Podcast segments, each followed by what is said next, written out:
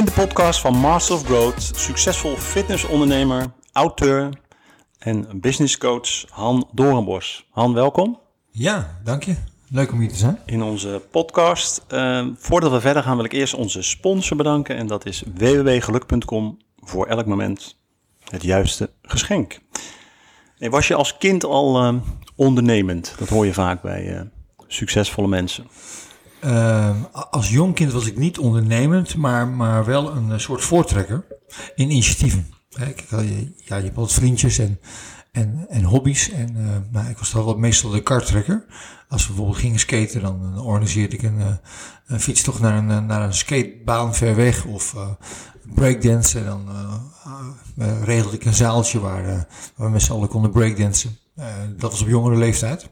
Eh, toen ik een jaar of 14 werd, toen ben ik wel gaan ondernemen. En dat, eh, dat kan ik me goed herinneren. Dat was met de zonnebrillen. In de Telegraaf had je zo'n zo, zo rubriekje, zaken en transacties. En dan kon je uit China zonnebrillen bestellen. En, en ja, goed, met mijn eerste 100 gulden destijds eh, bestelde ik mijn eerste zonnebrillen. En ging ik op de braderie staan. Natuurlijk met mooi weer. En, Ja. dan, eh, en dan verkocht ik mijn, mijn zonnebrillen. En van die, van die winst kocht ik weer nieuwe. En zo kon, had ik op een gegeven moment een hele kraam vol zonnebrillen. En eh, ja, dat, dat was eigenlijk mijn eerste ondernemerservaring. Ja, met welke business ben je begonnen? Kan Ja, je eens met- eh, ons terugnemen naar het begin? Ja, natuurlijk met, met de eerste, met de zonnebrillen. Maar ehm, ja, het echte ondernemerschap is begonnen wel in de fitness. Ja, misschien een stukje terug, want jij, eh bent ook, jij hebt een, Olympisch, in het Olympische boksteam gezeten. Kan je ons daar eens mee naar terugnemen? Ja, nou ja, goed, als het gaat om, om ondernemerschap en jeugd. Ik heb altijd wel een soort hyperfocus gehad. En eh, dat ik, als ik ergens gedreven was, dat je ervoor wilde gaan. Nou, dat ging ook in de sport zo. Ik zat op ijshockey. En eh, ik zat daar ook in het Nederlands team, in het jeugdteam. En eh, dat vond ik superleuk. En in de zomer heb je natuurlijk geen ijs. Ook niet in de overdekte ijsbaan. En ging ik boksen bij mijn vader. Mijn vader had een Niet bokschool. skieler of zo. Nee, ja, ook op straat met een, ja, en een steek in mijn hand. Maar ook boksen. Want, want ijshockey is een, is een rauwe sport en, en boksen is daar ook goed voor. En toen zei mijn vader na twee maanden van, joh, misschien wil je eens een keer een wedstrijdje gaan boksen. Nou, zo gezegd, zo gedaan. Dus ik ging mijn eerste wedstrijd boksen. Dat, dat ging eigenlijk zo goed. Want je vader was al heel lang eh Ja, die- onder, boksondernemer, zeg maar, een Ja, boksschoolondernemer. die, die was vroeger bokser geweest, heeft een bokschool begonnen. En mijn opa was een bokser, profbokser geweest. en toen Ja, dacht jij, ik ga toch ijshockeyen. En En daarnaast ging, ja, ja. Mijn moeder zei altijd, ga nooit boksen. En, eh, en, en mijn vader zelfs trouwens ook, ga, ga, ga niet boksen, want eh, het brengt er genoeg risico's met zich mee. En eh, ik, ik volgde dat tot een bepaalde tijd op, maar ja, toch trok het wel op een gegeven moment toen ik begon te boksen. En ik merkte ook dat ik veel meer het succes zelf in de hand had dan in een team hè, van ijshockey. En nou is Ja, ja. Nederland ook, ook niet zo sterk in ijshockey. En, dus ik zag veel meer mogelijkheden in het boksen en, en ook die, die adrenaline met zo'n Dus toen keek je al strategisch misschien van, ja, waar, waar kan ik het meeste uithalen? Kan ik het meeste uithalen, ja. ja. Klinkt wat plat, maar Ja, ja dus ik, ik begon het boksen steeds serieus te nemen. En het ijshockey, daar ben ik op een gegeven moment mee gestopt. Ja, eh, van Nederlands kampioen eh, tot in de Duitse Bundesliga gebokst. eh, Olympische selectie gezeten. WK gebokst, EK gebokst. Maar zo- ik nam het echt heel serieus. Ik had een diëtiste. en Ik sportte de ene dag twee keer per dag. En de andere hoe, dag hoe oud was je op dat moment? keer. Eh, 17, 18, 19. Op mijn 21ste ben ik wel gestopt. Een paar wedstrijden verloren. Met, ook een dubieuze uitslag. Helemaal naar Polen rijden. En dan voor één bokswedstrijd. En dan, nou, dan, verlies je. En waar, waar je dan maandenlang op voorbereid. En ik was toen wel gaan studeren. Ook om topsport te combineren. En ik vond, dat was eh, de sportacademie. En dat, dat werd steeds interessanter. Omdat ik gewoon ook over het menselijk lichaam. eh, fysiologie, inspanningsanatomie. Al die, die vakken. Ja, die werden, die werden steeds interessanter. En ik- ik ontwikkelde me ook als mens. Ja.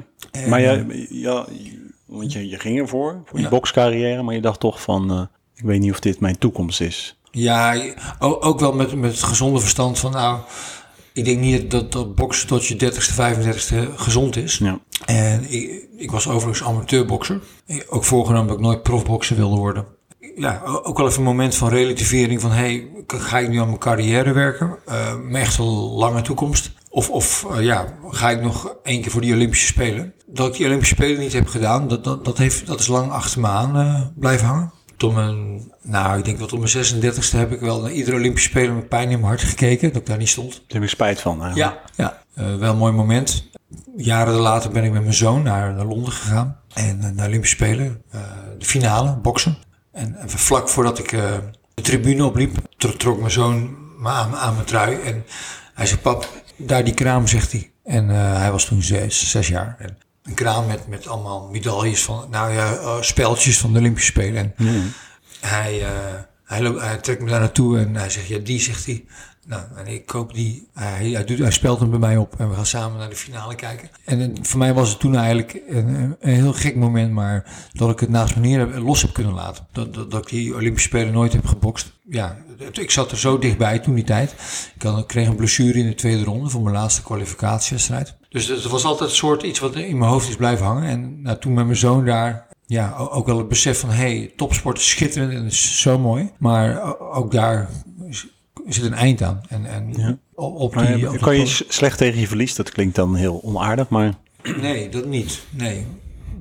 wat een goede eigenschap is, hè? Ik kan wel tegen Ja. mijn verlies, maar ik denk dat, dat iedereen als je ergens echt voor gaat, dag en nacht voor vecht, ja, dat, dat, dat, verlies of eh, tegenslag eh, altijd wel eh, iets is, is wat, wat je moet incasseren. En dat het heel normaal is dat, dat, dat, ja, dat je daar lang, over doet. En, en in dit geval met de Olympische Spelen heb ik daar wel lang over moeten doen, ja. Ja, ja, ja, ja. Maar het is misschien ook een soort droom, een soort, soort ambitie. Ik heb echt wel gedacht van, oh, ik ga weer terug boksen op mijn 34ste. En ja, ook helemaal uitgezocht of ik nog naar de Olympische Spelen mocht qua regelgeving. En Ja. ik denk, ja, ja dat, dat blijft hem toch een stukje bijten. Mooi. Ja, of, of uitdagen, laat ik het zo zeggen. En je volgde dus een opleiding, zei je net. Wat was het voor opleiding? De sportacademie? Ja, s'avonds gaf ik ook aerobicles. En daar stonden er 40 dames op mij te wachten.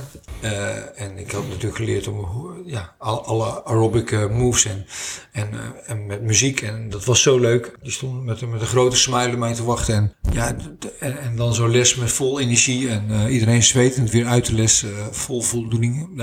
Ik kreeg er ook heel veel energie van. Dus op een gegeven moment stond ik ook wel op zo'n keuze van... Hey, waar ga ik in verder? En eh, dat werd toen de fitnessbranche. Ik ben eerst begonnen als gewoon als aerobic instructeur, fitnessinstructeur. Toch hoor je dat niet vaak als man, aerobic instructeur. Ja, nee, weet ik niet. Sorry?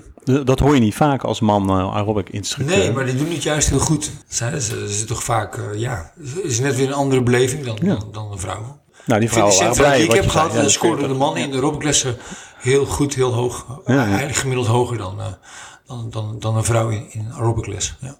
Ben je toen met je opleiding gestopt of heb je het afgemaakt? Ik heb het afgemaakt. Ik heb daarna dus zelfs nog les gegeven op de sportacademie. Ik werd gevraagd om daar een boksdocent te worden. Om, eh, om alle eh, vierdejaarsstudenten eh, nou, te leren boksen. Ook voor een opleiding. En eh, dat heb ik twee jaar volgehouden. Ik was inmiddels in Amsterdam gaan wonen. En eh, de- opleiding was in Tilburg. Dus Ja, oké. ja, op een gegeven moment paste dat niet meer in mijn schema. Nee. En toen eh, ben je je business op gaan zetten. Ja, Hoe is dat gegaan? Ik kreeg ooit een keer een advies en die zei van... joh, Han, dit doe je zo leuk. Zou je niet voor jezelf gaan beginnen? En eh, dat was iemand en toch triggerde dat in mij. Ik had al lang niet meer eh, ondernomen. En, eh, en ik weet je, ik ga gewoon beginnen. Ik heb toen een klein fitnesscentrum overgenomen in Hilversum. En in- in de kelder van, van een gemeentelijk zwembad. En daar ben ik gewoon maar van de een op de andere dag begonnen. Een verouderd centrum. En de ondernemers hadden het een klein beetje laten verloederen. En alles zelf schilderen, fitnesstoestellen vernieuwen, opknappen. En, eh, en zelf ook aerobic lessen geven, eh, fitnessinstructie geven. En gewoon maar iedere dag te staan. Van s morgens 7 tot s avonds 10. Ja, Ja. en eh, dat ging niet verkeerd. We begonnen met 150 leden. We eindigden binnen twee jaar binnen met 1500 leden. Zo. Ja, dat was- echt... eh, e- eigenlijk werd het een soort goudmijn. En, eh, Ja. Eh, maar, maar ook superleuke energie. Om in volle gyms. Ik ervaarde ook van hoe leuk is het om in een volle gym te sporten. In het begin we het werkte aanstekelijk, denk ik. Kom, kom Ja. je in je eentje er binnen en je zit in je eentje in de ruimte en aan, aan het fitnesstoestel te werken of aan jezelf. En op een gegeven moment was de muziek aan en, en, de, en de gym was vol en ja, andere mensen waren hard aan het trainen. Dat inspireert ook om zelf hard te gaan trainen of, of meer uit jezelf te halen. En die hele energie, en net zoals eh, ja, een klein beetje in de dans zien, zeg maar, die, eh, die vond ik daarin terug. En eh, dat was eigenlijk wel een van de inspiratiebronnen om, om het verder uit te bouwen. Ja, want je hebt een heel mooi DJ-boot hier staan. Want op een gegeven moment, ja, jij bent ook DJ, hè? Eh, we hebben het net nog even in het voorgesprek over gehad. Dat liep met elkaar parallel. Ja, ik, ja muziek heeft altijd wel eh, een grote rol gespeeld in, in de concepten. Ik geloof echt dat, dat je met muziek meer uit je workout kan halen. We wetenschappelijk bewezen dat je krachtiger beweegt, uh, het langer volhoudt als je, als je echt op muziek aan het sporten bent. Maar uh, ja, muziek heeft altijd veel met me gedaan. Ik, ik hou van dansen, ik hou van uitgaan en en zo ben ik ook DJ geworden. Gewoon geleerd van, van, van iemand anders. Dat is misschien ook wel het succes dat jij zag van, nou, in, in, de, in, in ja. de house scene werkt dit met muziek, met ja. z'n allen. Ja. Samenhorigheid, dat moet ik in die sportschool ook creëren. Ja, dat. Ja, toen ben ik ook gaan draaien. En, en, dat gebeurde, dat ging steeds beter. Op, een, op een feestje en daarna ook op Ibiza, op de bekende strandtenten, op een festival. En, uh, ja, op een gegeven moment moest ik echt wel kiezen, want in het weekend draaien in de nacht en door de week gewoon uh, de, het ondernemerschap. Uh, ja, en ik had, ik had toen ook net kinderen. Dan, uh, dat, dat, dat werd gewoon te veel. Dus ik heb toen gewoon het, het draaien wat, wat op een laag pitje gezet. En ben meer gefocust op, op het ondernemerschap in de fitness. Had je meteen al die doelen? Want van ik, ik ga een keten neerzetten.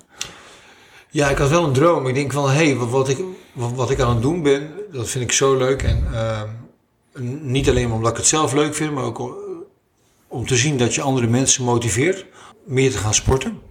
En uh, om, om ze terug naar hun gezondheid te brengen. Ook, ook in een sfeer van uh, muziek en positiviteit. Ja, gewoon een energieke vibe.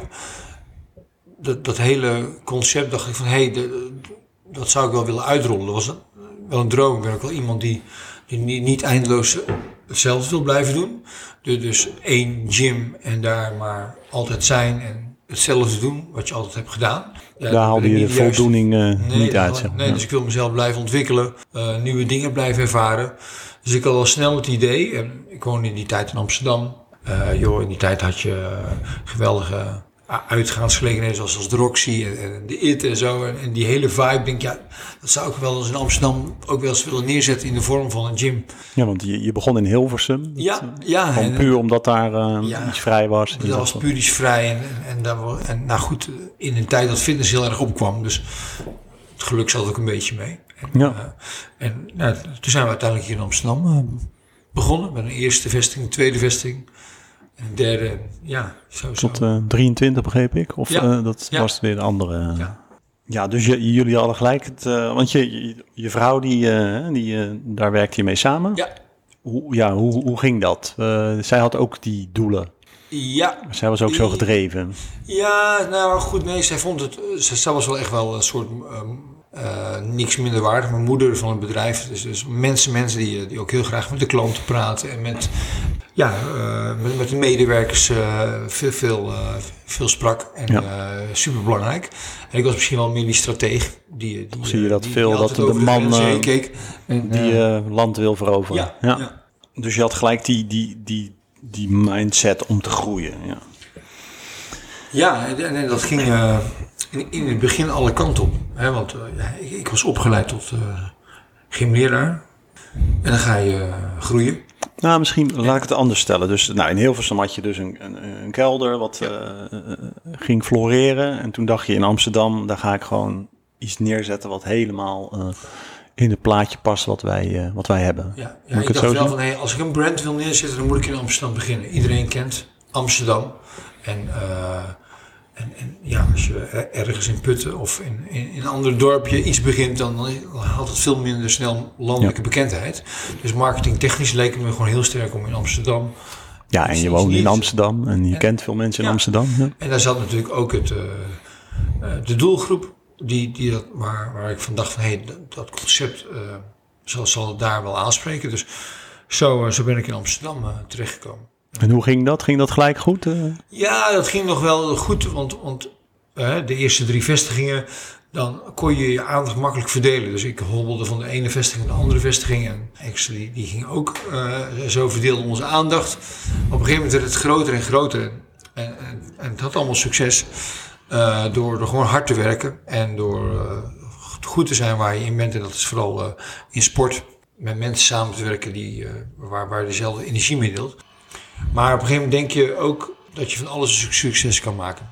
Nou, namen we locaties over die, die, die misschien uh, niet goed genoeg waren. Zetten we te snel een te groot hoofdkantoor op met, met, met uh, te veel overheadkosten. Ja. En, en dan, dan merk je dat je wat, wat bedrijfseconomische kennis tekortschiet. En toen ging jij een eh, MBA-studie doen. Ja, dat, dat was nog een paar jaar verder. Want dan, dan, Oh, dat was nog Ja, want, want uiteindelijk ga, ga je, nou, groei door naar, naar 7, 8, 9 vestigingen. Moest je dan ook een, een vestiging sluiten, omdat je dacht van, nou, dit was Nou, misschien dat- niet zo'n handige plek, of dat hoofdkantoor moet dicht. Of... Dat, dat was beter geweest. Maar als ondernemer met, met wat minder ervaring, dan denk je ook van, ah, dit komt wel goed. Als ik het nou de- deze campagne zo ga doen, of ik ga het zo doen, zo doen. En je blijft eigenlijk maar doorgaan. Maar, maar er zijn dan toch andere elementen die, eh, waar, waar het aan ligt. En soms hè, het sluiten van een vestiging, afscheid nemen van. Eh, als je met zoveel emotie erin zit, dat is niet makkelijk. Dus, ehm, en, en soms tekenen die ook wel huurcontracten van tien jaar. En, en ja, dan zit je er ook echt tien jaar aan vast. Ja. En, en misschien valt er gewoon geen succes van te maken, omdat de huurprijzen te hoog zijn. Dus dat, dat, e- eigenlijk was dat mijn harde les. Begon ik ook steeds harder te werken. eh, tegen iets wat, wat gewoon niet meer eh, goed te krijgen was. En tegen 2007, 2008 hadden we negen vestigingen, 250 medewerkers. Ik had heel veel verstand van sport, maar van eh, echt bedrijfseconomische aspecten te weinig. En toen kwam er naast de fitness, ik noem het maar even fitnesscrisis, waarin heel veel eh, budgetketens opkwamen, zoals Basic Fit, Fit for Free, Ja. eh, kwam er ook een economische crisis. En iedereen begon op de De kosten wet te van. Murphy, en die Ja. sloeg even in, zeg maar. En, eh, dus, dus we verloren veel leden aan, aan de budgets, omdat mensen toch eh, in hun portemonnee begonnen te kijken. Eh, En toen, toen was ik eigenlijk technisch failliet. Ja. En eh, ja, to- toen was het eh, alles of niets. Ik ik kreeg geloof ik een aanbod van een investeringsmaatschappij om voor 1 euro al mijn vestigingen te verkopen. Omdat op papier er gewoon niks meer waard was. Ja. En ik dacht, ja, shit. Ik wil het eigenlijk gewoon overleven. En, nou, samen eh, met mijn ex-partner hebben we toen eh, op, op een kratje gestaan. eh, alle medewerkers toegesproken dat we ook kosten moesten gaan besparen. vakantiegeld in, uitgespreid in, per maand. eh, loonbelasting uitstel gevraagd. eh 40 eh, crediteuren gevra- gevraagd of we dat in, in 24 maanden mochten afbetalen. En ja, dat, dat, dat waren super zware jaren. Ja. Eh, maar eh, daar zijn we doorheen Zeker omdat jij natuurlijk een persoon bent die graag land verovert en je moest land eh, terug gaan geven. Terug gaan geven. Ja, ook vestigingen gesloten. Voor- En, en eigenlijk kwamen een aantal dingen samen. Ik denk, nou, ik moet mijn bedrijfseconomisch gaan scholen. Toen ben ik mijn, mijn MBA begonnen. En Maar jullie hielden het dus vol, omdat alle zeilen bij en Ja. jullie dachten we houden alles gewoon overeind. En toen dacht jij ik ga een studie volgen. ik ga een studie volgen. Ja, Best wel een aparte beslissing. Of nou ja, misschien wel een hele goede beslissing. ja, ik liep toen ook echt op mijn tandvlees. Ik moest iets gaan doen om, om, om even ook weer mezelf terug te vinden. En eh, nou, die studie was toen eigenlijk een gouden zet. Want de eerste masterclass die ik deed, dat was financieel management. Want het hele groeiscenario was natuurlijk weg. Het was nu Ja. gewoon overleven. Ja, zeker. Dus Dus eigenlijk was jij, eh, kon jij er niks meer doen, zeg maar, ja. kijken wat er overbleef. In, fin- in de masterclass financieel management, daar leer je kosten besparen, kostenbesparingsmethodes. Ook, ook gewoon eens echt goed naar cijfers te kijken en benchmarken met, met, met alle vestigingen naast elkaar, maar ook met, met andere concepten. En daar werd me gewoon inzichtelijk dat, dat er bepaalde kosten veel te hoog waren. En ik begon ook rigoureus in kosten te snijden. En, eh, en ik heb toen ook eigenlijk van, van de negen vestigingen die we toen hadden, heb ik er eh, vier verkocht. Underdog in, de fitnessbranche mocht ik eh, grote fitnessondernemers eh, van Basic Fit en van Fit for Free interviewen. Om, om voor mijn studie, en die, en die lieten dat toe, want die zagen mij toch niet als de concurrent. En, Nee, en eh, ik kreeg er heel veel informatie uit, maar ook de aandacht om mijn vestigingen bij hun onder de aandacht te brengen. Zij wilden snel groeien. Dus ik heb toen vier vestigingen aan, aan, aan die partijen verkocht. Dat waren mijn beste vestigingen. En mijn slechte vestigingen hield ik over. Ehm, ik had in mijn eh, achterhoofd al een, een nieuw concept bedacht. Dat had ik ook tijdens mijn MBA met inspiratie opgedaan. Eh, Maar hoe bedoel je dat je beste vestigingen heb je verkocht en de Ja. slechtste hield je over? Dat, ja, dat klinkt niet... eh, nee. Dus ik, ik kreeg wel heel veel cash. En het was wel een bewuste keus. Ja, ja, ik kreeg heel veel cash. En eh, het, het hoofdkantoor heb ik helemaal afgeschaald toen. Nee, ik was redelijk overtuigd van het nieuwe concept. Ja, maar het was wel een super groot risico. Maar met die cash kon ik even vooruit. Nou, Traymore heb ik toen eerst twee vestigingen van Club Sportief naar Traymore omgezet. Eh, veel lager in de kosten, veel efficiënter. Eh, ook, ook een model waar ik eigenlijk een stukje macht bij, bij de gebruikers, bij de leden zelf neerleg. Dus hoe meer eh, ze sporten, hoe minder ze gaan betalen. En dat sloeg aan. Het eerste jaar twee vestigingen, het andere jaar ook nog twee vestigingen. Dus jij was weer helemaal in je element omdat je Ja. weer kon eh, groeien. Ja. ja, en, en, en met de cash eh, net na de crisis. Want Maar wat zegt je vrouw dan op dat moment? Ja, laten we even rustig aan doen eh, of, of niet? We hebben al zo'n debakel Nee. achter de rug en dan gaan we weer. We hadden nog één club sportief vestiging, een grote. En eh, nou, daar, daar richtte zij zich meer op. En, eh, en ik in het begin iets meer op Trainmore. En ja, was, een- wel een goede taakverdeling. En, en ja, en toen? Toen ging dat... eh, dat groeide. Ja, en, en na de, net na de crisis had je zoveel mooie panden eh, te huur staan. Die stonden leeg. Gewoon puur in de crisis eh, veel leeg is komen te staan. En eh het waren echt hele mooie grote panden. Oude postkantoren, oude banken. En, die stonden gewoon midden in, in druk eh, bewoonde gebieden. En waar heel veel traffic kwam. Hè. Eh, en nou goed, die, die, die kon ik aanhuren met één jaar of twee jaar huurvrij. En, en nog met investeringsbijdragers. En ik, en ik had gewoon geld op de bank. Dus ehm Trainmore had ik al eh, kunnen, ja, meer uit kunnen engineeren, zeg maar, met, met bestaande vestigingen. Dus ik begon die locaties te openen. Ja, dat waren gewoon goede locaties. En zo heb ik uh, Trainmore kunnen uitbouwen met, met, tegen interessante voorwaarden. Ja, op de Singel in Amsterdam, eh, of op de Drift in Utrecht, of uh, dagelijkse Groenmarkt, allemaal centrumlocaties in Den Ja. Haag. Nou, en met een mooie, authentieke gebouw. Zo, zo is er eigenlijk een begin gemaakt van, uh, van een keten. Dus je wist eigenlijk na eh, eh, die slechte jaren van nou, je, je hebt heel goed geleerd eh, hoe het niet meer moest, zeg maar. Ja, Dat is wel mooi, ja, Ja, dat je dat... eh, en, en, en aan welke details je dan moet, sla, eh, moet voldoen. Het komt zo nauw. Hè, je, kan een globale beeld hebben, een visie hebben. Maar als je met vallen en opstaan hebt geleerd, eh, dan weet je ook van hé, eh, dit zijn de details die je nodig hebt om, om iedere vestiging een succes te maken. Zo, had ik een eh, algoritme gebouwd om iedere locatie te beoordelen. En dat waren wel 50 punten waar, waar, een locatie aan moest voldoen. Aan, aan de zichtbaarheid, dus, dat mensen naar binnen konden kijken, mensen zagen bewegen. eh, hoeveel mensen er per uur langskwamen per fiets, als voetgangers, auto's. De hoogte van een gebouw, de, de sfeer van een gebouw. Eh, de investeringskosten die je moest maken tot aan de huurprijs. de return on investment. Nou, alles bracht ik in één overzicht. En dan kwam een score uit. En dan kon ik al redelijk met zekerheid zeggen, nou, dit, dit, dit is een geschikte locatie. En zo- begonnen we aan iedere nieuwe locatie. Mooi. Het klinkt een beetje als eh, de film Rocky. En dat die eh, eerst in elkaar geslagen wordt en dan gewoon eh, glansrijk overwint. Want je, je ging dus niet bij de pakken neerzitten. Althans, dat heb je natuurlijk Nee, ik wel. kreeg er wel energie van. Het was natuurlijk een, een, een stadium van, van groei. Ja, maar toen, toen het slecht ging... En, en wat je ook merkt is dat, dat, dat goede medewerkers bij een groeiende organisatie willen horen. Hè. Dat, eh, fases van groei is voor iedereen leerzaam. En, en geeft iedereen een stukje erkenning of helpt iedereen naar, naar de volgende job. Want daar zitten natuurlijk Ja. groeikansen in. Dus dat was ook iets waar, ja, wat wij in de fitnessbranche wel bekend maakten. Van, hey, joh, Trainmore is aan het groeien en we zijn iets nieuws en wil je daarbij horen. Dus we trokken ook steeds betere medewerkers aan. En, en eigenlijk zo- zo'n team van, van, van, goede medewerkers, capabele medewerkers, mensen die op bepaalde vlakken beter zijn dan eh, jezelf. Ja, die, die, die helpen je ook echt verder. En eh, dat was ook wel echt, echt wel een magisch moment eh, om mee te mogen maken. Ja.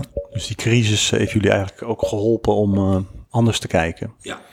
En in hoeverre heeft die opleiding jou geholpen om, eh, om het hele verhaal om te turnen? Ja, eh, het, het is een universitaire studie die, ik- en op dat niveau heb ik nog nooit gestudeerd.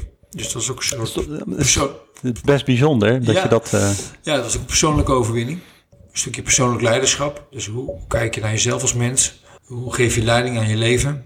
Eh, dat was wel een heel belangrijke fase. Maar, maar ook eh, alle bedrijfseconomische aspecten van eh, personeelsmanagement, procesmanagement, financieel management. Alles werd daar zo onder de loep genomen. En werd zo tot in detail uitgefilterd. En alles vertaalde ik naar het bedrijf.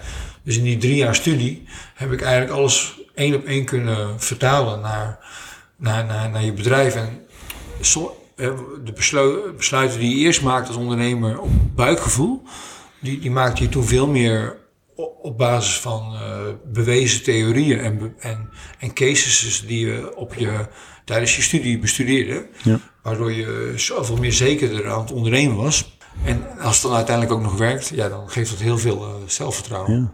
En was dat uh, op het moment dat het slecht ging, die, um, die drie jaar, of was je al bezig met uh, Trey Moore? Ja, dat, dat, was in de transformatie. Eigenlijk heb, he, heb ik die studie ook gebruikt om, om, om te transformeren.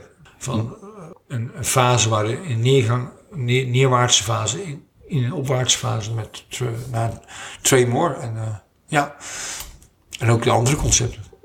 Hm. Club sportief, high studios, ja. Ja, maar dat kwam later, toch? Ja, ja.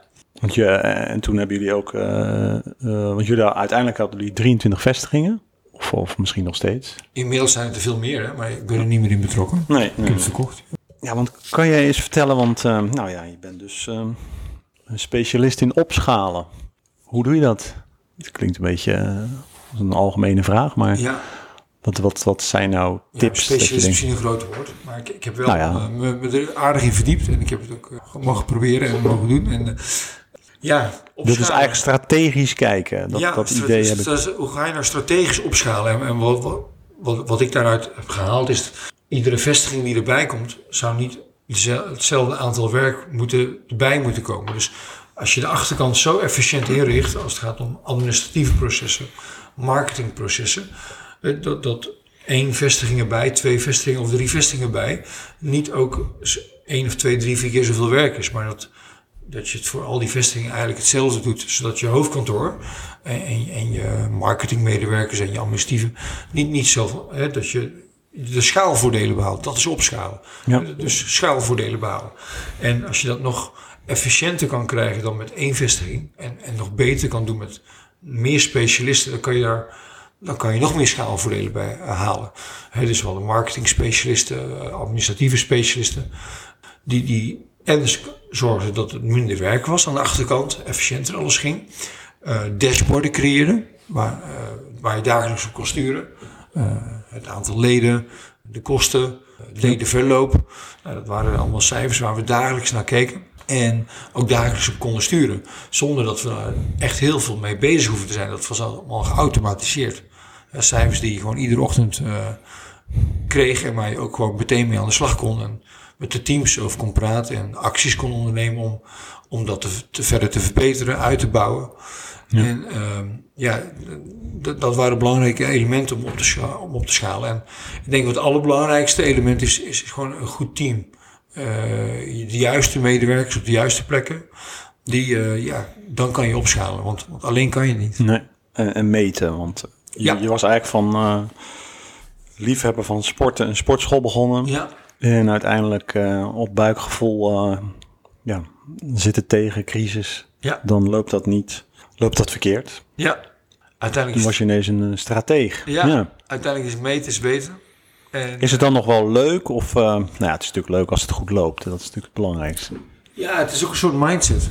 Ehm, Je, je deed misschien als een trainingsschema. ja, eerst was ik, eerst was ik eh, bevlogen van, van sporten zelf en van trainingsmethodes en, en voeding. En, eh, super interessant, vind ik nog steeds interessant.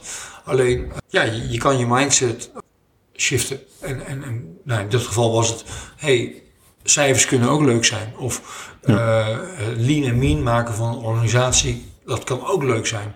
Zelfs kosten besparen, dan kan je, ja, natuurlijk is dat niet leuk als je moet, moet snijden in kosten. Ja. Maar als je je mindset erop zet, dan kan dat ook leuk zijn. Ook, ja, ook resultaten erin behalen met je team kan, kan ook leuk zijn. Ik denk dat dat een, eh, voor, veel ondernemers eh, iets is waar ze enorm tegenop zien. Als er een recessie aankomt of het zit even tegen, om dan te zeggen: hé, hey, alle, alle eh, gemakken en genotten die ik heb verworven. En extra kosten, daar moet ik gewoon in gaan snijden. Ik moet me kleiner maken. Dat dat als, als een verlies gezien wordt. Maar het is, je kan ook je mindset opzetten van... hé, hey, het moet nu gewoon even anders. En, en dan je daarop te focussen. En daar succes in te behalen. Dat kan ook leuk zijn. Ja. Ja, eigenlijk komt het heel erg overeen met sporten natuurlijk, met een schema. Ja, Wat voor voeding, ja. wat is je progressie. Ja, stel voor dat je op een bepaald niveau zit, met een hoge conditie en met een bepaalde eh, vo- vorm en, je krijgt een blessure en je moet dan weer opnieuw op beginnen. Dat is weer een andere mindset. Ja. En had je dan ook, eh, ik noem maar wat, na tien vestigingen van, hey, vestiging 11 hebben we misschien toch verkeerd ingeschat hoeveel Ja. mensen eh, lid worden? Of, of, Ja. Kijk, fouten maak, maak je altijd. of was het algoritme perfect? En, en nee, het, was, nou, het, was wel, het werd wel steeds beter. En eigenlijk de, en maar, maar soms maakte je nog steeds wel eens een fout. Of maar, eh, uit, uit overenthousiasme. Dan, dan Toch laat je die, nog steeds eh, je buikgevoel eh, leiden. Die passie dat je denkt Ja. van ik wil toch daar Ja. op, dat, eh, op die plek... eh, Ja. Meestal, maar meestal hadden we, hè, was er ook die details weer eh, in, in huurcontracten escapes ingebouwd. Dus we daar toch na een paar jaar van af konden. Of ik had ook weer netwerk opgebouwd dat ik dacht van, nou ja, die, die locatie loopt niet, die moet ik gewoon verkopen. En, eh, of zelfs misschien wel weggeven. ja. Ja, dan heb je misschien eh, een paar jaar nou, een miljoen erin geïnvesteerd. En draai je een verlies van twee, drie jaar. Ieder jaar een paar Dat ton. je zonder kleerscheuren eraf komt. Maar als je die denkt, ja, die kan ik voor 1 euro weggeven, dan, dan scheelt dat gewoon heel veel verlies in de komende periode. Dus dat zijn ook keuzes. Zijn het dan allemaal aparte BV's die? Of is Ja. het, ja. Dat had je natuurlijk Ook allemaal eh, ja, rationeel, eh, zoveel mogelijk rationeel. eh. Ja, En dan, nou, dan is het een succes. Ja, hoe ga je daarmee om? Wat, wat geeft dat voor gevoel? Leren omgaan met successen. Ja, de, dat, dat heeft me wel even tijd gekost. Ook, ook wel een coach voor, voor gehad. Want me- meestal als topsporter, als ondernemer, dan, dan sta je niet echt stil bij successen. Dan ga je gewoon weer door. De volgende, oké, wat is next? Eh, wat is de volgende vesting? Bij- oh, Deze vesting is succes. En, en wat, wat, wordt het volgende? En om te leren stil te staan bij, eh, bij successen. Ook eh, kleine successen. Kleine successen vieren met je team. Eind van de week, als je zoveel leden he- hebt binnengehaald. Of ja, god, we hebben ook een keer de Fitness Awards gewonnen. En, of eh, ja, dat, er weer, dat je weer een vestiging mag openen. Eh, een, medewerker van de week, eh, waarmee je een succes. Kleine successen vieren. Dat is super belangrijk. En, en ja, dat, dat geeft ook een enorme fijne vibe en euforie binnen, binnen, binnen, binnen je team. En ja, wie, wie wil er niet bij een succesvol team horen en, Ja. of bij een succesvolle groep? Successen vooral vieren. en dan, ja, hoe ver gaat je groeiambitie dan? Dan heb je eh, 23 sportscholen en dan Ja. denk je van, ja, Ja, en ik zal je eerlijk zeggen, dat, dat ging eh, natuurlijk droom je alle kanten op. En eh, dan denk je van ja, ik, ik- ik- kan, kan je dit land Dit moet de wereld over. uitbouwen? Ja. En eh, of ga ik, gaan we Europa veroveren? En daar heb ik ook echt wel over nagedacht, ook onderzoek naar gedaan. Ook, ook veel gekeken en ook, ook gezien waar, waar het fout gaat bij grote bedrijven.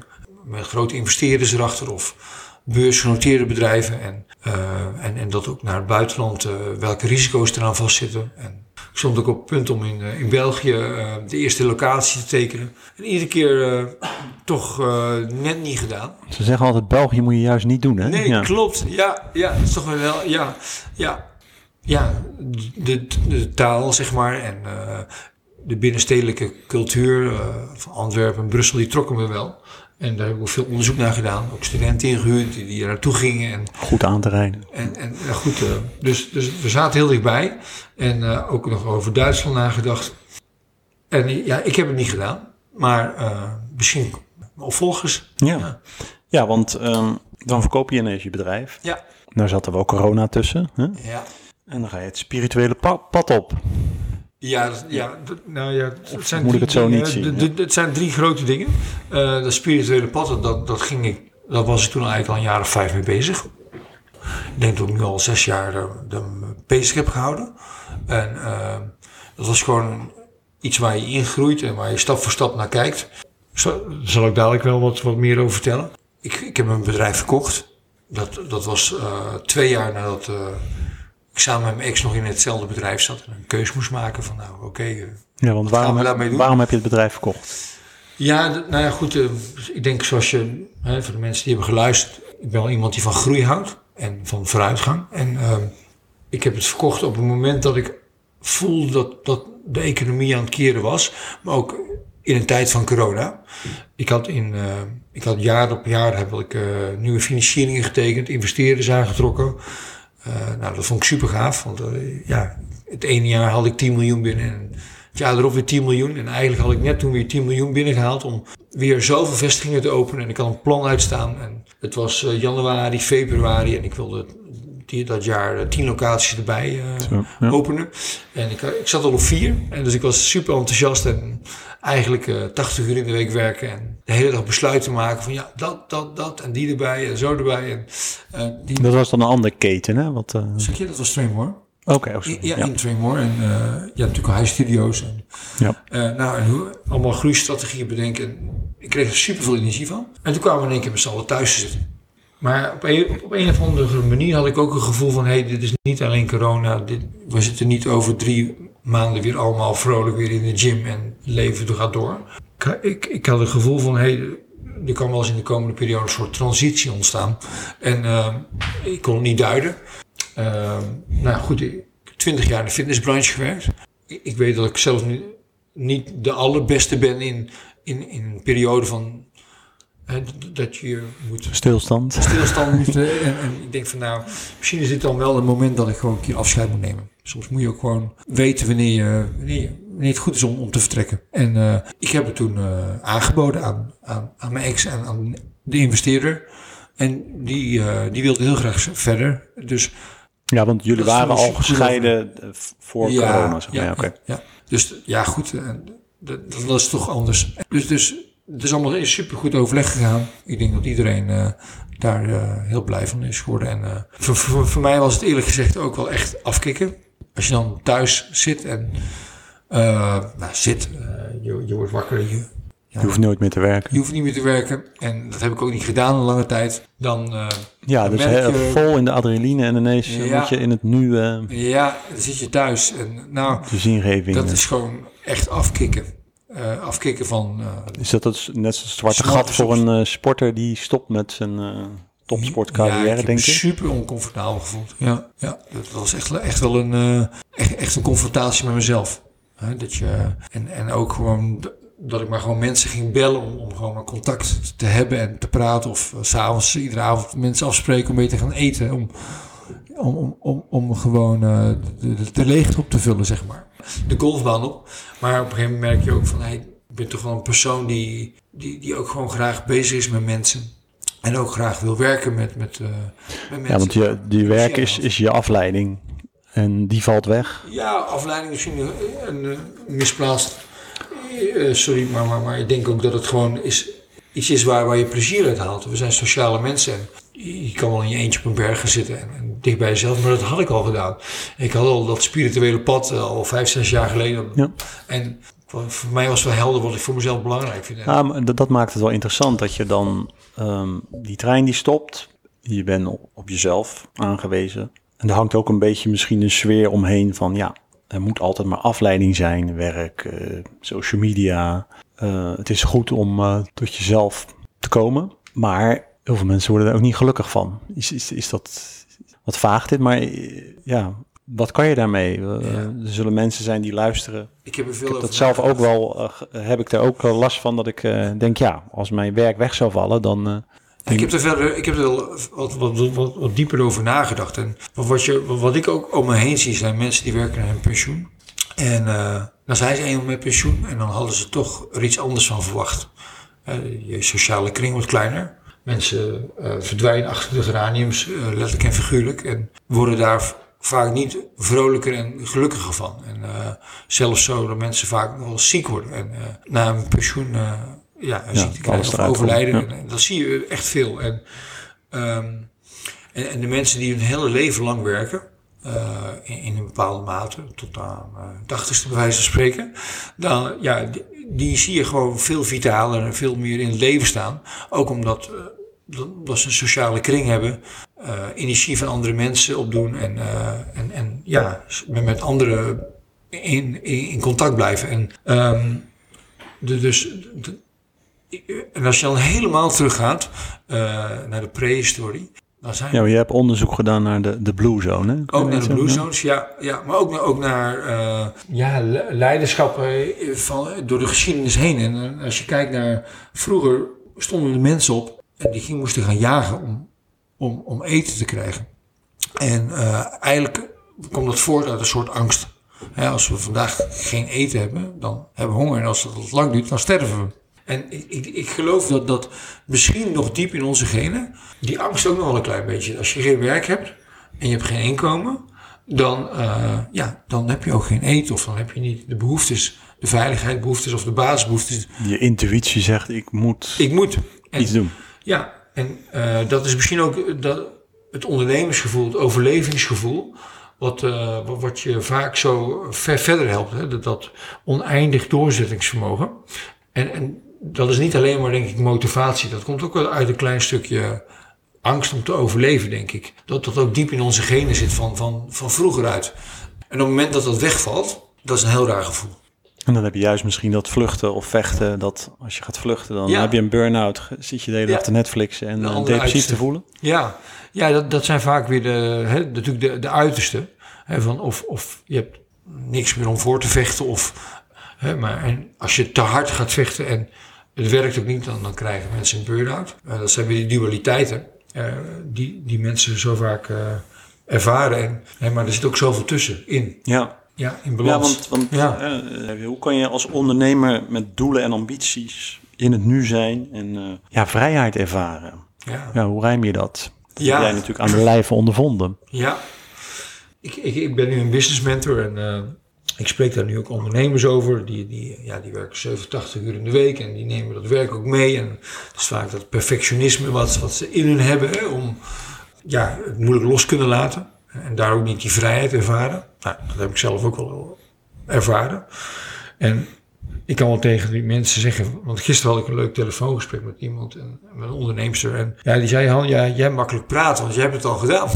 Ja. En dus ik, ik kan makkelijk vertellen hoe het is om te praten hoe je in balans kan leven en, en vrijheid kan ervaren. Maar als je het nog moet doen en je staat nog redelijk aan het begin van, van de reis, dan is het gewoon gaan en moeten uh, en doorzetten.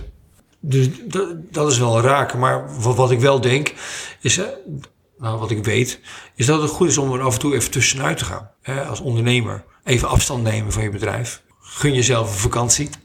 En ga gewoon eens uh, uh, op een afstandje, maar. En, en, dan komen juist de mooiste en de beste inzichten binnen. En ik denk dat dat ook, als je dat steeds meer weet te integreren, ook dingen weet los te laten, gewoon in je dagelijks ondernemerschap, hè, dat, dat, je ook veel meer uh, de juiste keuzes kunt maken. Dat, dat er ruimte ontstaat hè, door, door niet uh, zoveel, uh, hoe moet je het noemen, ruis op de lijn ontstaat van, van dagelijkse beslommeringen. Dat je veel meer de juiste keuzes kan maken. En, maar goed, dan, dan ga je twee weken op vakantie en dan de eerste week denk je bij jezelf van, wat moet ik met mezelf? Ja, klopt. De eerste week als, als ondernemers op vakantie gaan, dan, dan, dan ben je eindelijk van het gevoel af en dan uh, nou, kan je weer terug aan de slag. Ik denk net zoals, net zoals ik hebben vele ondernemers uh, of, of, of managers met, met een grote verantwoording, uh, die, die worden de eerste dagen ziek. Die, ja, die, ja. die zijn gewoon, die, die krijgen gewoon, die, die, die, die, die, ja, die worden gewoon doodmoe op vakantie. En die moeten eerst even de eerste week bijkomen. En daarna... Het is gewoon eigenlijk gewoon een afkikproces. Ja, ja. ja. En hoe, hoe heb jij dat ervaren? Dus je zat thuis en je dacht van, ik, ik ga mensen bellen, ik, ik, vlieg tegen de muren. Nou, ik weet niet of dat zo is, maar ja, hoe heb je dat uh, weten te overwinnen uiteindelijk? Ja, nou ja, goed. Ik denk, mijn grootste fout erin is dat ik uh, meteen weer terug wilde pakken. Uh, dus ik begon weer meteen met ondernemen. En ik ga gewoon weer iets opzetten. Nou, in coronatijd. Om niet met jezelf geconfronteerd te worden. Ja, dat klinkt ja, zo zwaar, maar... Om, maar ook om die, uh, die, die, vrijheid en, en, die rust maar te omarmen. En om dat aan te gaan. Ja, daar, uh, daar ben ik mezelf ook alweer in tegengekomen. Hè, de, door, uh, door meteen maar weer door te gaan. En, en, dan kom je weer zoveel details en dingen tegen waarvan ik dacht, oh ja, daar, daar, daar heb ik niet bij stilgestaan. Dus ik, ik had, achteraf had ik beter even die vrijheid en, en, die rust maar even kunnen aan, uh, aangaan. Ja.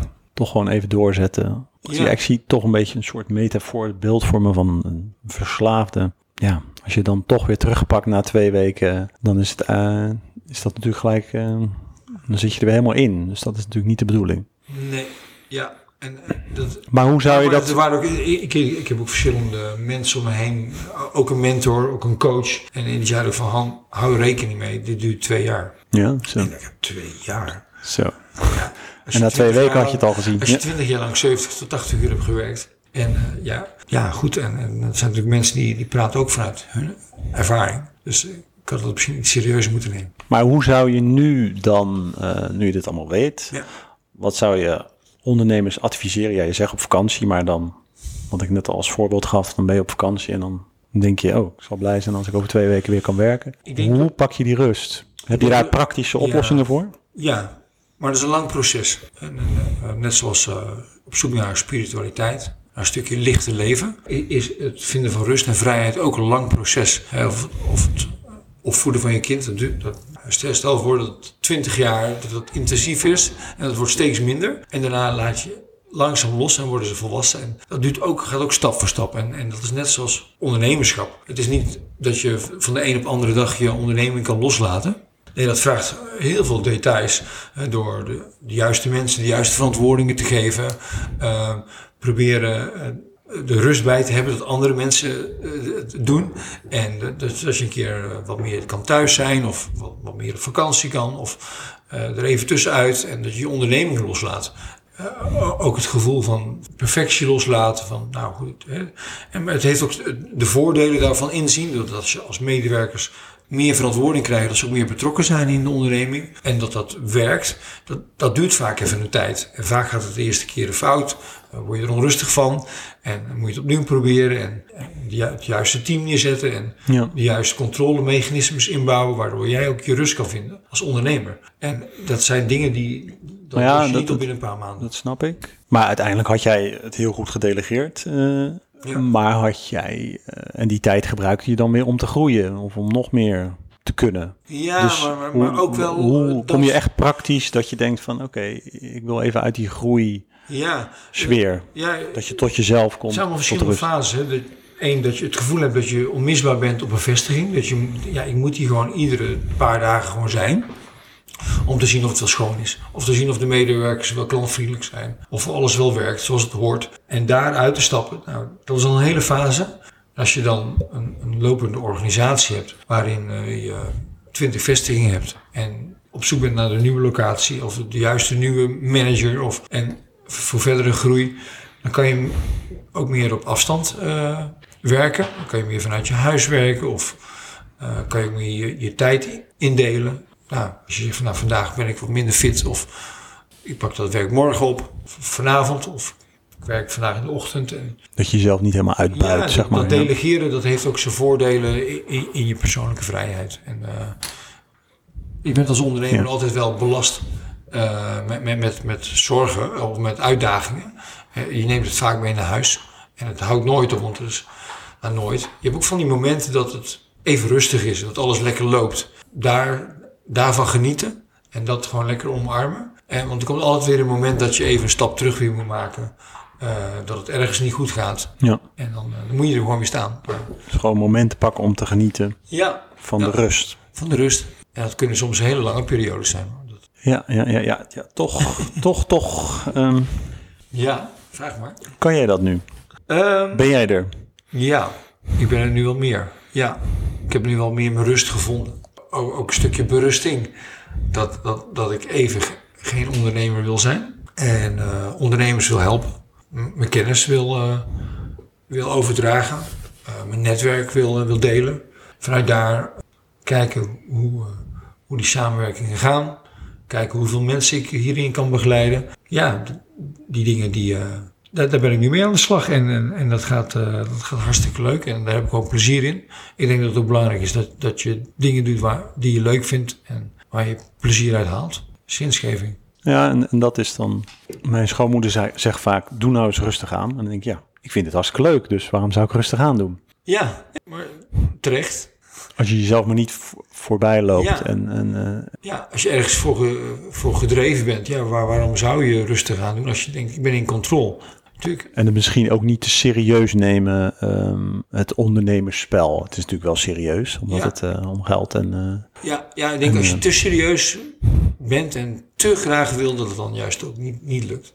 Ja. Je moet ook een klein beetje, dit- wat je zegt, die speelsigheid kunnen vinden en die flexibiliteit daarin kunnen bouwen van humor is enorm belangrijk en ook, ook flexibiliteit.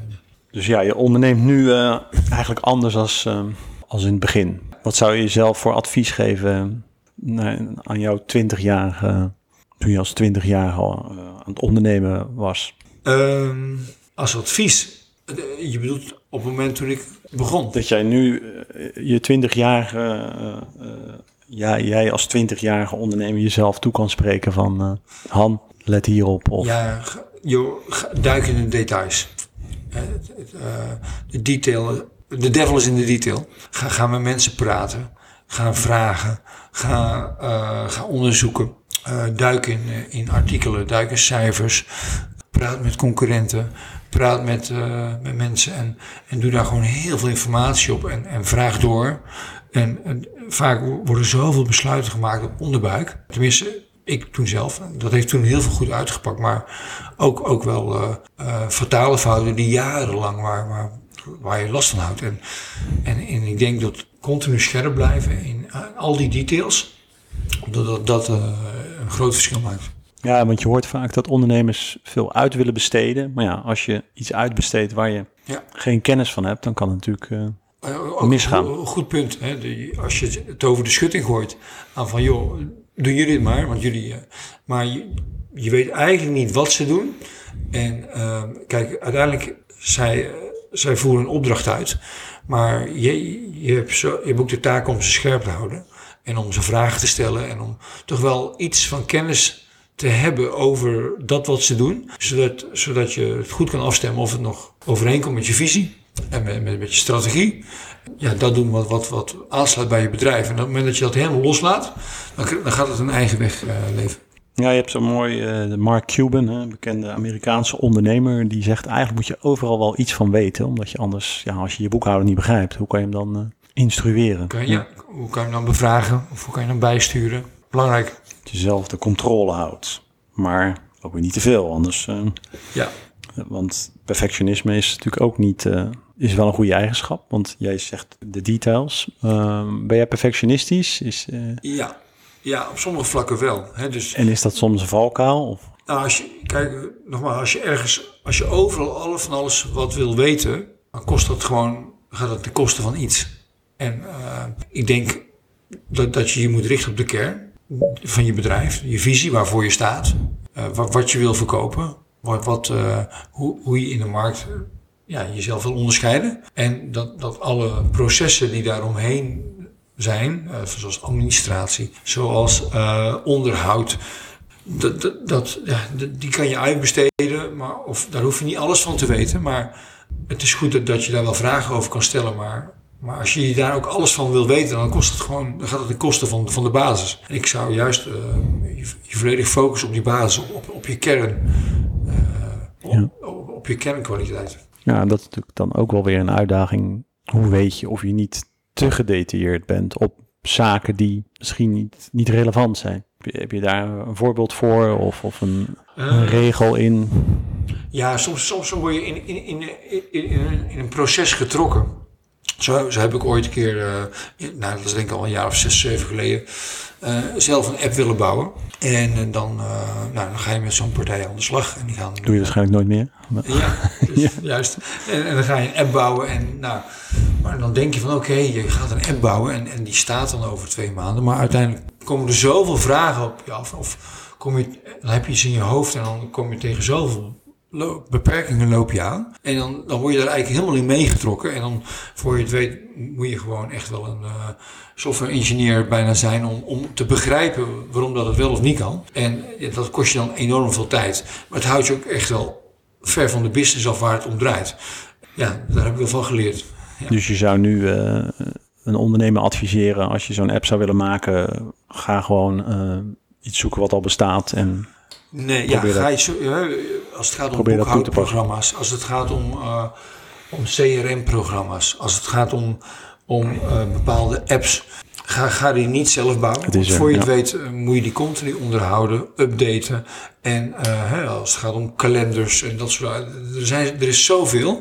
Ja, dat dus- zijn wel fouten die heel vaak voorkomen. En, uh, aangezien wij ook in de software zitten natuurlijk, uh, merk je toch dat ondernemers graag alles op één plek willen hebben. En nu in deze tijd, ja, alles is juist een boekhoudprogramma. Dat, dat kan je nooit winnen om dat zelf te doen. Nee.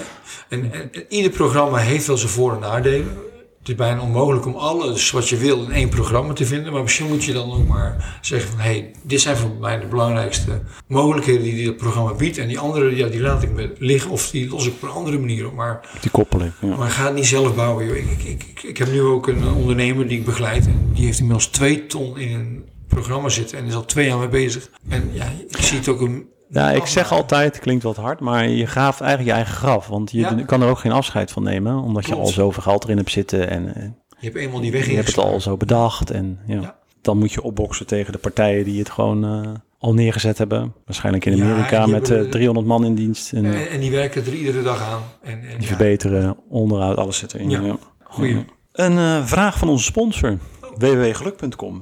Wat is nou het moment dat je dacht van, nou, nu heb ik zoveel geluk gehad, carrière. Nu heb ik zoveel geluk gehad in mijn carrière, ja. Ja, gek genoeg is, eh, al- als ik terugkijk, zijn het de momenten dat je eigenlijk niet stilstaat bij geluk.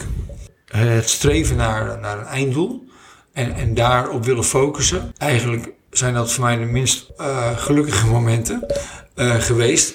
Je legt jezelf veel dru- druk op. En, met, de nodige stress. Of eh, op het moment dat je daar gewoon zegt van hé, hey, we gaan aan de slag. En, en je leeft er door de tijd heen. Het proces zelf, hè, dat je gewoon ook kan genieten van de weg. Met ups en downs. En daar ook berusting bij hebt. Dat, zijn eigenlijk de meest gelukkige momenten. Dat gewoon dingen lekker lopen. Zonder, eh, zonder besef van hé, hey, vind ik dit wel leuk wat ik aan het doen ben. Dat, dingen gewoon gaan. Het is gewoon stromen om, omdat je omdat het in lijn staat met, met de dingen die je, die je eigenlijk wel zou gewoon willen doen. En, en dat het ook gewoon een lange weg vraagt. De, de, de bloemen langs de weg, dat je die eh, plukt. Ja. En heb je daar ook praktische tips voor? Is dat bijvoorbeeld als je iets bereikt hebt, een klein doel, dat je dat dan viert? Of, of is, is, is dat een eh, idee? Of Eh, gewoon veel bewust ervan zijn? Je, je hebt altijd wel een, sto- een soort hoger doel. En je, je authentieke zelf, wat, wat je belangrijk vindt in het leven. Als je, als je daarvoor blijft staan en je weet waarvoor je staat en waarom dat je dat belangrijk vindt. En, en je kan het ook verbinden met dat wat je iedere dag doet, dan, dan geeft dat oneindig veel energie. Dan, dan klopt het gewoon met elkaar. Het, is, het kan ook zo vaak zijn dat, dat wat, wat ik ook zie, dat, dat het bijvoorbeeld personal trainers zijn. Die, die zijn heel goed in hun vak en die kunnen mensen enorm goed helpen, trainen, fit te worden. En die krijgen dan eh, de motivatie om, eh, om voor zichzelf te beginnen. En die vergeten dan dat daar marketing bij komt, komt kijken, komt sales bij kijken. Ze hebben een eigen locatie die ze moeten onderhouden, de boekhouding op zondag moeten doen. En het houdt hen uiteindelijk ver, weg van wat ze eigenlijk graag wilden. En dat zijn mensen fit maken. En als je dat eh, misschien verkeerd inschat, dan, dan kan, dat, kan je ver wegdrijven van dat wat je gelukkig maakt. En dus daarom is het gewoon goed om, om van tijd tot tijd ook, ook even naar jezelf te gaan. Van, hey, wat vind ik nou belangrijk in het leven? Wat, wat, wil, je, wat wil je toevoegen aan, aan, je werk en aan het leven om, om bij te dragen aan, aan een geluk? Geef, geef je doel nog zin of, of Ja. eh, zingeving? Ja, en- Dat je dat steeds checkt, En althans. dan ben je aan het vechten. En dan ga je, om- omdat, omdat je het gewoon niet leuk vindt, de dingen hè, de- waar, waar je mee bezig bent. Dat, dat kan ons allemaal een keer over overkomen. Maar het is goed om gewoon af en toe even uit te zoomen. Dat kan ook gewoon met mediteren zijn. Dat kan ook gewoon met een keer op een, eh, nou, even op eh, de berg op te klimmen. Of gewoon even uit te zoomen en, en even gewoon te vragen van, wat, vind ik zelf nou zo belangrijk? Met mijn boeken of met een coach. Er zijn zoveel manieren om eh, weer even terug te gaan naar jezelf. Laatste vraag, waar, gaat jouw reis naartoe? Weet je dat al? Ik, ik heb minder een einddoel voor ogen. Het zou kunnen zijn dat ik weer echt eh, wil gaan ondernemen. Ik, zie nu gewoon hè, dat we in een tijd zitten van transformatie. Dat we langzaam toch ja, gaan, we, gaan we wel of niet naar een recessie toe en hoe lang gaat die duren? En is het nu eh, verstandig om, om te investeren? En, en ook eh, de behoefte om, om mijn kennis te delen met andere ondernemers. Dat, dat, daar, dat vind ik echt leuk. En eh haal ik ook heel veel inspiratie uit en energie. Ook eh, de gedreven ondernemer, de gemotiveerde ondernemer, de vastberaden ondernemer, dat, dat inspireert me. En eh, dus- daar, eh, daar werk ik met veel plezier aan. Het zou kunnen zijn dat ik, als de samenwerking zo bevalt wederzijds, dat ik ook bereid ben om te investeren. En zo wat meer betrokken kan raken. Of ja, in welke vorm dan ook. Die, die, die weg die staat, die staat open. Ja, en tot die tijd eh, is dat voor mij gewoon een nieuwe zoek, zoektocht. En dat, dat is ook leuk. Dus laat het nog op nog je- niet een heel, heel eind eh, inzicht. Je laat het op je afkomen. Ja, En dat voelt comfortabel. ja, eindelijk. Ja. Ja? ja ik ook mee. Ja. Zat er een twijfel in of niet? Nee, nee, gewoon nee, meer nee, dat nee, het, is goed. Ja. het nu goed is. Ja. Ja. Nou, dat vind ik een hele mooie afsluiting. ja. Han, ik wil jou eh, heel erg bedanken voor het eh, inspirerende gesprek. Nou, wederzijds. Eh, Je, je mooie vragen, die, eh, die zetten me ook altijd weer aan het denken. En eh, die, die, die, ja, die nemen we ook altijd weer mee zo door, door de dagen heen. En om, om te kijken van, hé, hey, klopt dat nog? En, en wel mooi om, om, om, om er zo op die manier over te denken. Is ook een soort bewustwording. Dank je. Dank je. En ik wil onze sponsor nog bedanken, www.geluk.com, voor elk moment het juiste geschenk.